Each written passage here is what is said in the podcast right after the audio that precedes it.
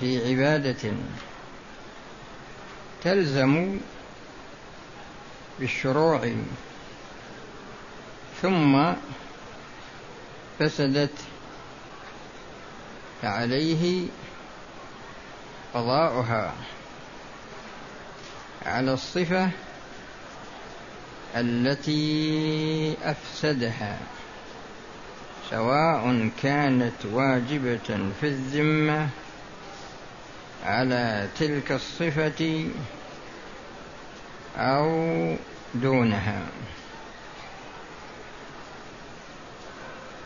من شرع في عبادة تلزم بالشروع ثم فسدت فعليه قضاؤها على الصفة على الصفة التي أفسدها. سواء كانت واجبة في الذمة على تلك الصفة أو دونها ويتخرج على ذلك مسائل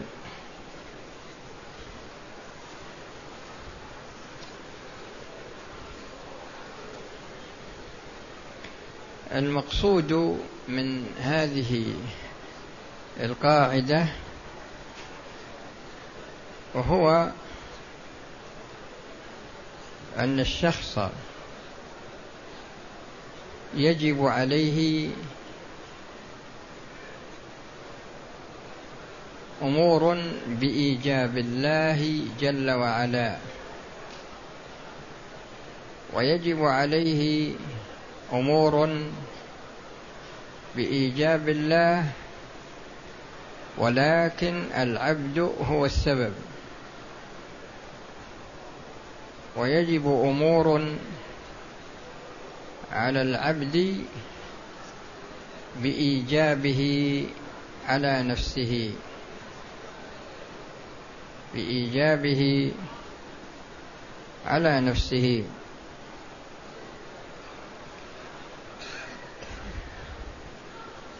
وفيه صنف ثالث يأتي به على سبيل التقرب يعينه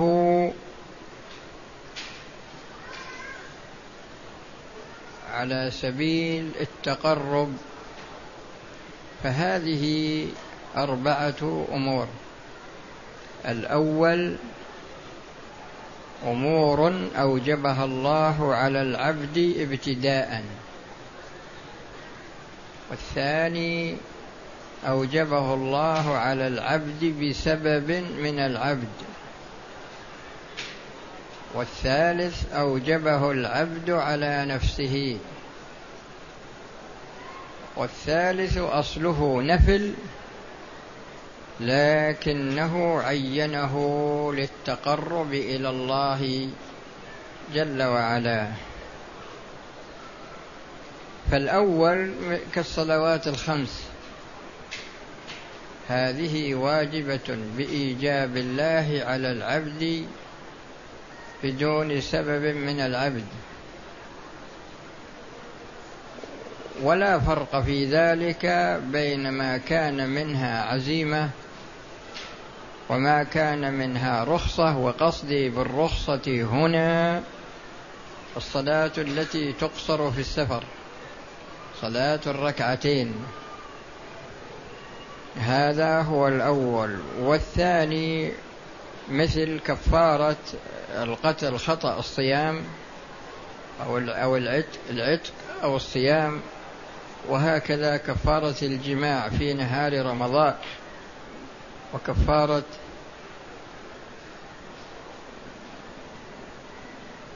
كفارة الظهار وكفارة الجماع في نهار رمضان. وهكذا الهدي فإنه واجب والعبد هو السبب لأن العبد هو الذي دخل في النسك. و والثالث النذر يعني ينذر الإنسان أمرا معينا ينذر صلاة أو ينذر صياما أو ينذر مثلا ذبح بدنة أو بقرة أو كبش أو ما إلى ذلك. والرابع مثل الأضحية. إذا عينها. هذه الأمور الأربعة كل واحد منها له فروعه ولكنها كلها تلتقي في حكم واحد. هذا الحكم هو أن هذا الشيء الذي عينه سواء عين يعني تعين بتعيين الله أو بتعيين العبد هذا شرع فيه مثلا ففسد. شرع فيه ففسد. إذا كان هذا الأمر الذي فسد هو المطلوب أصلا فما فيه إشكال أنه يأتي ببدله. كمن فسدت صلاته في الظهر أو العصر أو لكن إذا كان مسافرا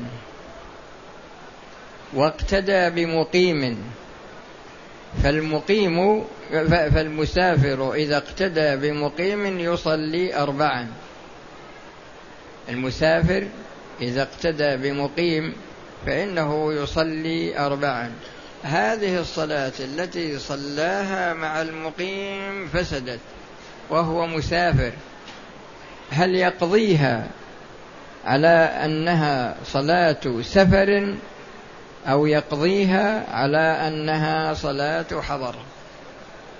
بمقتضى هذه القاعدة أنه يقضيها على أنها صلاة حضر فيصليها أربعا. لأنه لما تلبس بها انتقض وضوءه في أثنائها. فإنه يقضيها فإنه يصليها أربعا. وإذا عين مثلا هديا وتبين فيه مثلا خلل أو عين أضحية فتبين فيها خلل يعني الحمد لله. الله يمنع من اعتبارها فإنه يأتي بها على على وفق ما فسدت فيه. ولو أنه نذر كبشا عمره ستة أشهر ولكن أتى بكبش عمره سنتان أو ثلاث سنين ثم تبين خلل فيه يمنع من إجزائه فإنه يذبح كبشا. ليس عمره ستة أشهر ولكن عمره آه، سنتين مثلا. هذه القاعدة هي موضوعة لهذا النوع من الفروع.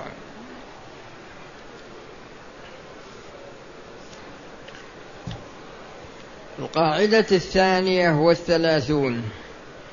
يصح استثناء عندنا يعني عند الحنابلة استثناء منفعة العين المنتقل ملكها من ناقلها مدة معلومة. يصح عندنا استثناء منفعة العين المنتقل ملكها من ناقلها مدة معلومة. انتقال العين يأتي على وجوه. الوجه الأول أن يكون بعقد بيع. الوجه الأول أن يكون بعقد بيع. والثاني أن يكون بعقد وقف. يعني مثلا أوقف بيته ففيه عندنا انتقال العين من مالكها تارة يكون بعقد بيع وتارة يكون بعقد وقف. وتارة يوصي يوصي مثلا بهذا البيت. وتارة يهبه. يكون عقد تبرع. فينتقل بعقد بيع أو عقد وقف أو عقد وصية أو عقد هبة. في حالة الانتقال استثنى الانتفاع به. فمثلا باع هذا البيت على شخص واشترط سكناه سنة أو سنتين أو ثلاث أو أربع. هذا ما في مانع. أوقف هذا البيت على ذريته. أوقفه على ذريته لكن اشترط سكناه مدة حياته. فاشتراطه سكناه مدة حياته هذا استثناء للمنفعة. وهب شخصا يعني عقارا بيت لكن اشترط سكناه. مثلا شهر شهرين سنة سنتين ثلاث سنين. المهم أن هذه القاعدة هي موضوعة لاستثناء المنفعة آه، للشخص العاقد أو أو يشترطها لغيره الولد ولا لفلان. المهم أنه يستثني المنفعة مدة معلومة لكن لو استثنى مدة مجهولة فإن هذا الاستثناء لا يصح. هذا الاستثناء لا يصح. فالمقصود أن هذه القاعدة هي موضوعة لهذا النوع من الفروع. القاعدة التي بعدها القاعدة الثالثة والثلاثون الاستثناء الحكمي. هل هو كالاستثناء اللفظي أم تغتفر فيه الجهالة بخلاف اللفظي الاستثناء الحكمي هل هو كالاستثناء اللفظي أم تغتفر فيه الجهالة بخلاف اللفظي الاستثناء اللفظي سبق في القاعدة الثانية والثلاثين. هذاك الاستثناء اللفظي لكن هذا استثناء حكمي. شخص عنده عقار وهذا العقار مؤجر. ومدة الأجرة مثلا سنتان ثلاث سنين أربع سنين. بعد ذلك باعه. لكن باعه على غير المستأجر. باعه على غير المستأجر لأنه إذا باعه على المستأجر سيأتي في قاعدة أخرى لكن هنا باعه على غير المستأجر. المستأجر ما كان يعلم ما كان يعلم أن هذا البيت مؤجر. ما كان يعلم أن هذا البيت مؤجر. ف فهل يصح هذا الاستثناء؟ لأن هذا يسمى استثناء حكمي بمعنى أنه لم ينطق به عند العقد كالأول. الأول الاستثناء منطوق به لكن هذا سمي استثناء حكمي لأنه كسابقه لكنه لم يتلفظ به. فهل يقال إن هذا الاستثناء صحيح أو أو لا يكون صحيحا؟ نأتي إلى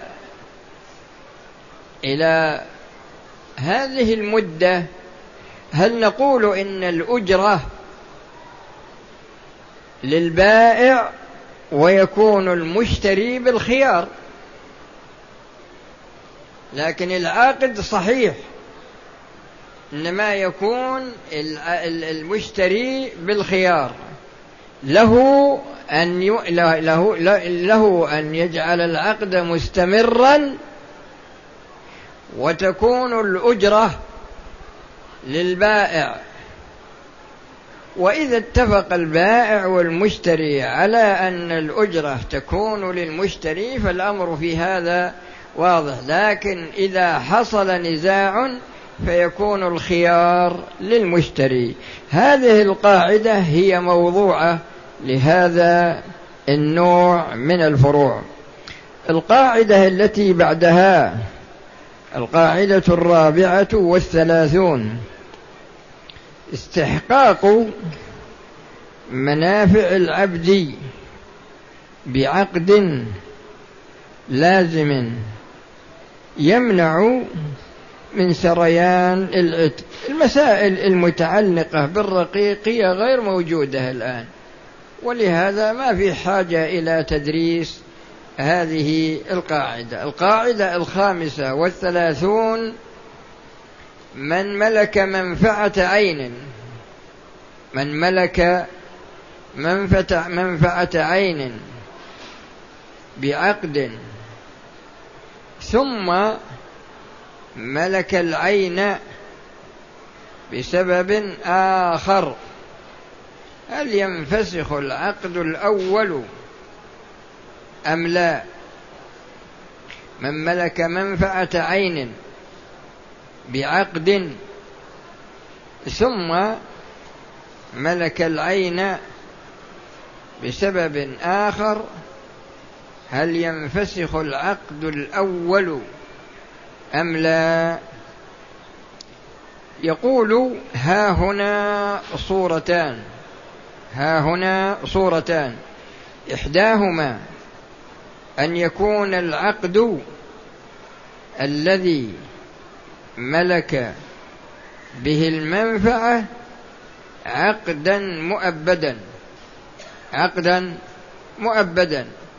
فإن لم يكن عقد معاوضة فلا معنى لانفساخه كالموصى له بمنافع الأمة إذا اشتراها فإنه يجتمع له ملكها بالعقدين ولا ضرر في هذا. هذا بالنظر للثاني الثاني الصورة الثانية أن يكون العقد المملوك به المنفعة غير مؤبد. غير مؤبد. يعني إنسان استأجر من أبيه. استأجر من أبيه بيتا. مدة مثلا عشر سنوات. توفي الأب وصار هذا البيت من نصيب هذا الولد بالإرث. وصار هذا البيت من نصيب الولد بالإرث. فعندنا الآن عقد إيجار هذا منفعة. وعندنا الآن هذا البيت انتقل إلى هذا المستأجر لكن بطريق الإرث. فحينئذ هل نقول إن عقد الإجارة ينفسخ ويعود هذا البيت له أم يقال إن عقد الإجارة يستمر؟ فإذا انتهى فإنه يعود له. نص القاعدة نص, نص الصورة أن يكون العقد المملوك به المنفعة غير مؤبد. كالإجارة فإذا ملك العين بعد ذلك فهل ينفسخ؟ يعني عقد الإجارة أو ما ينفسخ. وذكرت لكم أن المسألة مسألة فيها خلاف بين العلماء. وبهذا وبهذه القاعدة نأتي إلى نهاية هذا الدرس لأن القاعدة السادسة والثلاثين هذه تحتاج إلى درس كامل والسلام عليكم ورحمة الله وبركاته. وإذا كان عند أحد سؤال ففي إمكانه أن يسأل. في أسئلة؟ هذا سائل يقول قول إيش؟ رضي الله قول بلال رضي الله عنه ما تطهرت بساعة من ليل أو نهار إلا صليت ركعتين. هل المراد به أنه يحافظ على الوضوء؟ لا هو يحافظ على ركعتي الوضوء لأن لأن ركعتي الوضوء سنة. لأن في سنن تكون ذوات أسباب يعني تطوع ما هي برواتب؟ لكنها ذوات أسباب مثل سنة الوضوء ومثل تحية المسجد تحية المسجد.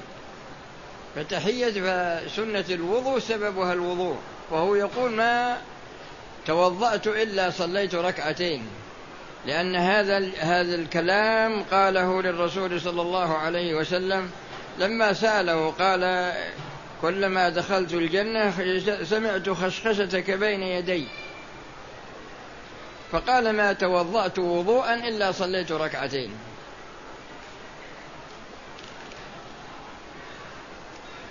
وهذا يقول قدمت إلى مكة ونويت الإقامة فيها شهرا ونصف. للإلقاء للمدري وش هذه بدورة. وكنت مرتبا لأموري حيث تكون العمرة آخر الدورة. وحاذيت الميقات ولم أحرم. إذا أردت أن تحرم فإنك تخرج للميقات.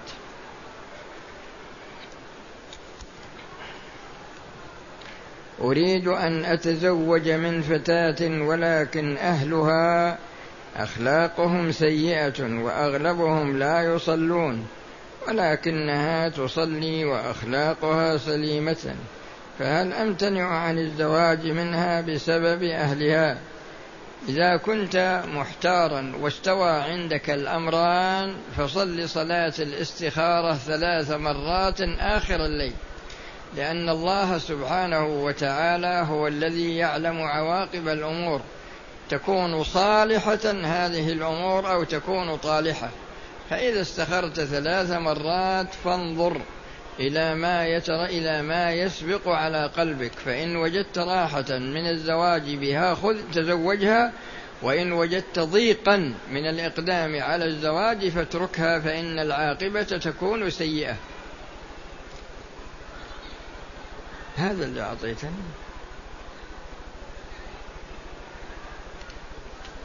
وهذا يقول رجل سافر إلى الهند لأول مرة فنزل ببلدة لا يوجد فيها أثر للإسلام وبقي فيها عشرة أيام يصلي وهو غير منتبه.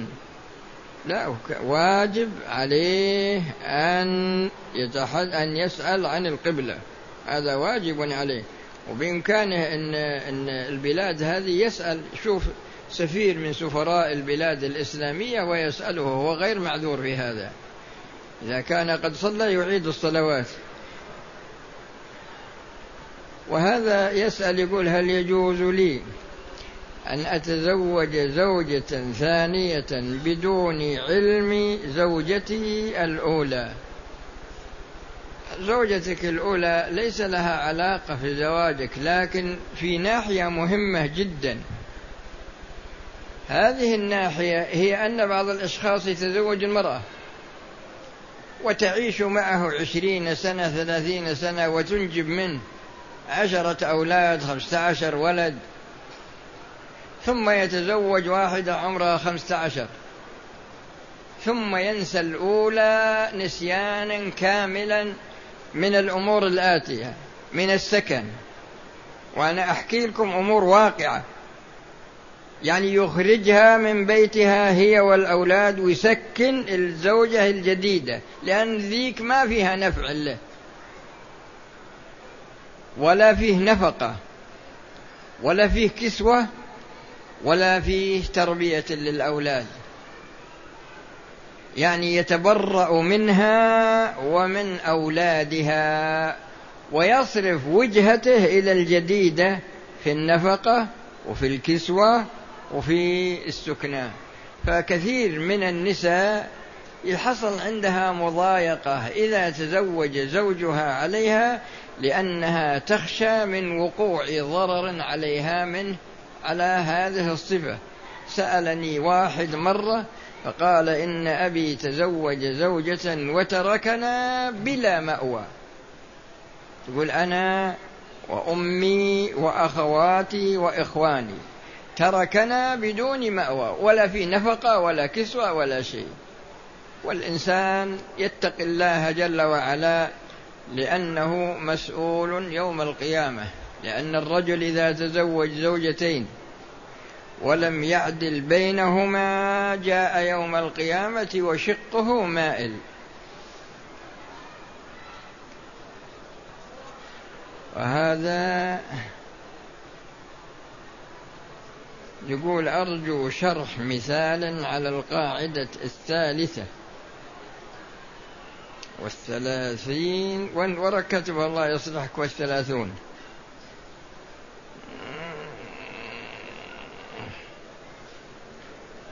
القاعدة الثالثة والثلاثون نصها. الاستثناء الحكمي هل هو كالاستثناء اللفظي؟ أنا ذكرت لكم المثال وهو أن الشخص عندما يشتري بيتا مؤجرا وهو لا يعلم أنه مؤجر. هذا استثناء حكمي.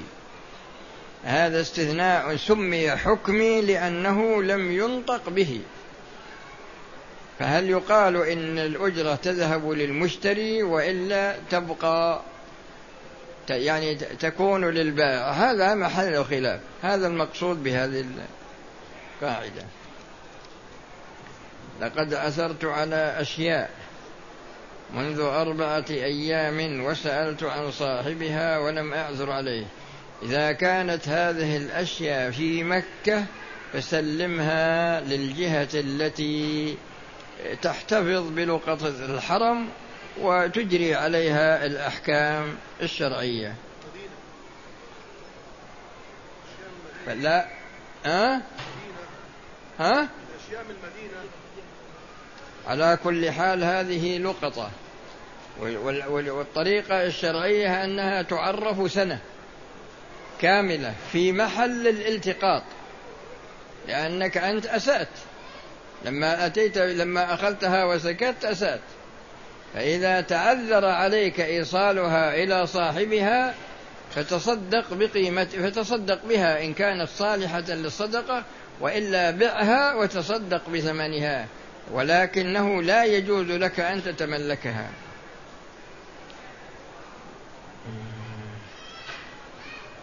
يقول هل النفساء تصلي إذا طهرت أم إذا بلغت لا إذا طهرت وتطهرت. إذا طهرت وتطهرت إذا انقطع الدم واغتسلت فإنها تصلي. سواء بلغت أربعين أو أو أقل. ما حكم الصلاة؟ إذا صلى الإنسان ركعتين نفل في جوف الكعبة ما فيه مانع لكن الفرض ما يصلي. لا أستطيع اطلاق اللحية تنفيذا لأمر الرسول صلى الله عليه وسلم وذلك بسبب عملي الذي قد أفقده في هذه الحالة إضافة إلى سلطة الأمن. فما الحكم في ذلك؟ والله يا أخي أنا ما أستطيع أني أقول لك احلق لحيتك لكن هذا أمر بينك وبين الله جل وعلا.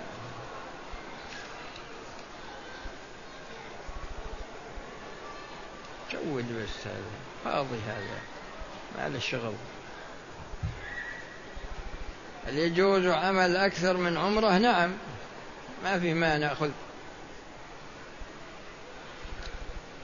وهذا يقول في بعض الدول الأفريقية يوجد عبيد ولكن لا يعرف هل هؤلاء هل هؤلاء أطفال مسروقين أم لا؟ ما زالوا ما أدري وش فهل تطبق عليهم. الشخص ما يكون يعني إذا كان عندك شك في شخص هل هو حر أو رقيق فمن المعلوم أن الأصل الحرية ما هو بالأصل الرق في بني آدم. فأنت عندما تريد أن تشتري رقبة للعتق لا بد أن تتأكد منها. فإذا تحققت أنها أن أنه رقيق ما في مانع. أما الأصل فهو الحرية. ولهذا الرسول صلى الله عليه وسلم عمر رضي الله عنه يقول متى استعبدتم الناس وقد ولدتهم أمهم أحرارا. لأن الرق هذا يسمون من الأوصاف العارضة. ما وجه تحديد عدد الاستخارة؟ هذا بس من أجل أن الإنسان يعني يطمئن قلبه لأن الرسول صلى الله عليه وسلم إذا تكلم تكلم ثلاثا.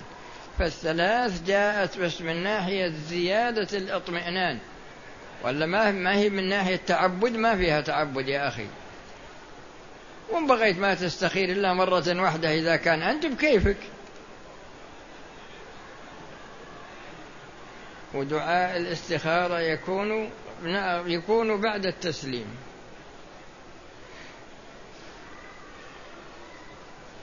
وهذا يسأل عن الأجار المنتهي بالتمليك. لا يجوز. وهذا يقول المسافر إذا أقام في بلدة يومين فهل يجوز له الجمع والقصر؟ نعم له أن يجمع وله أن يقصر. نرجو منكم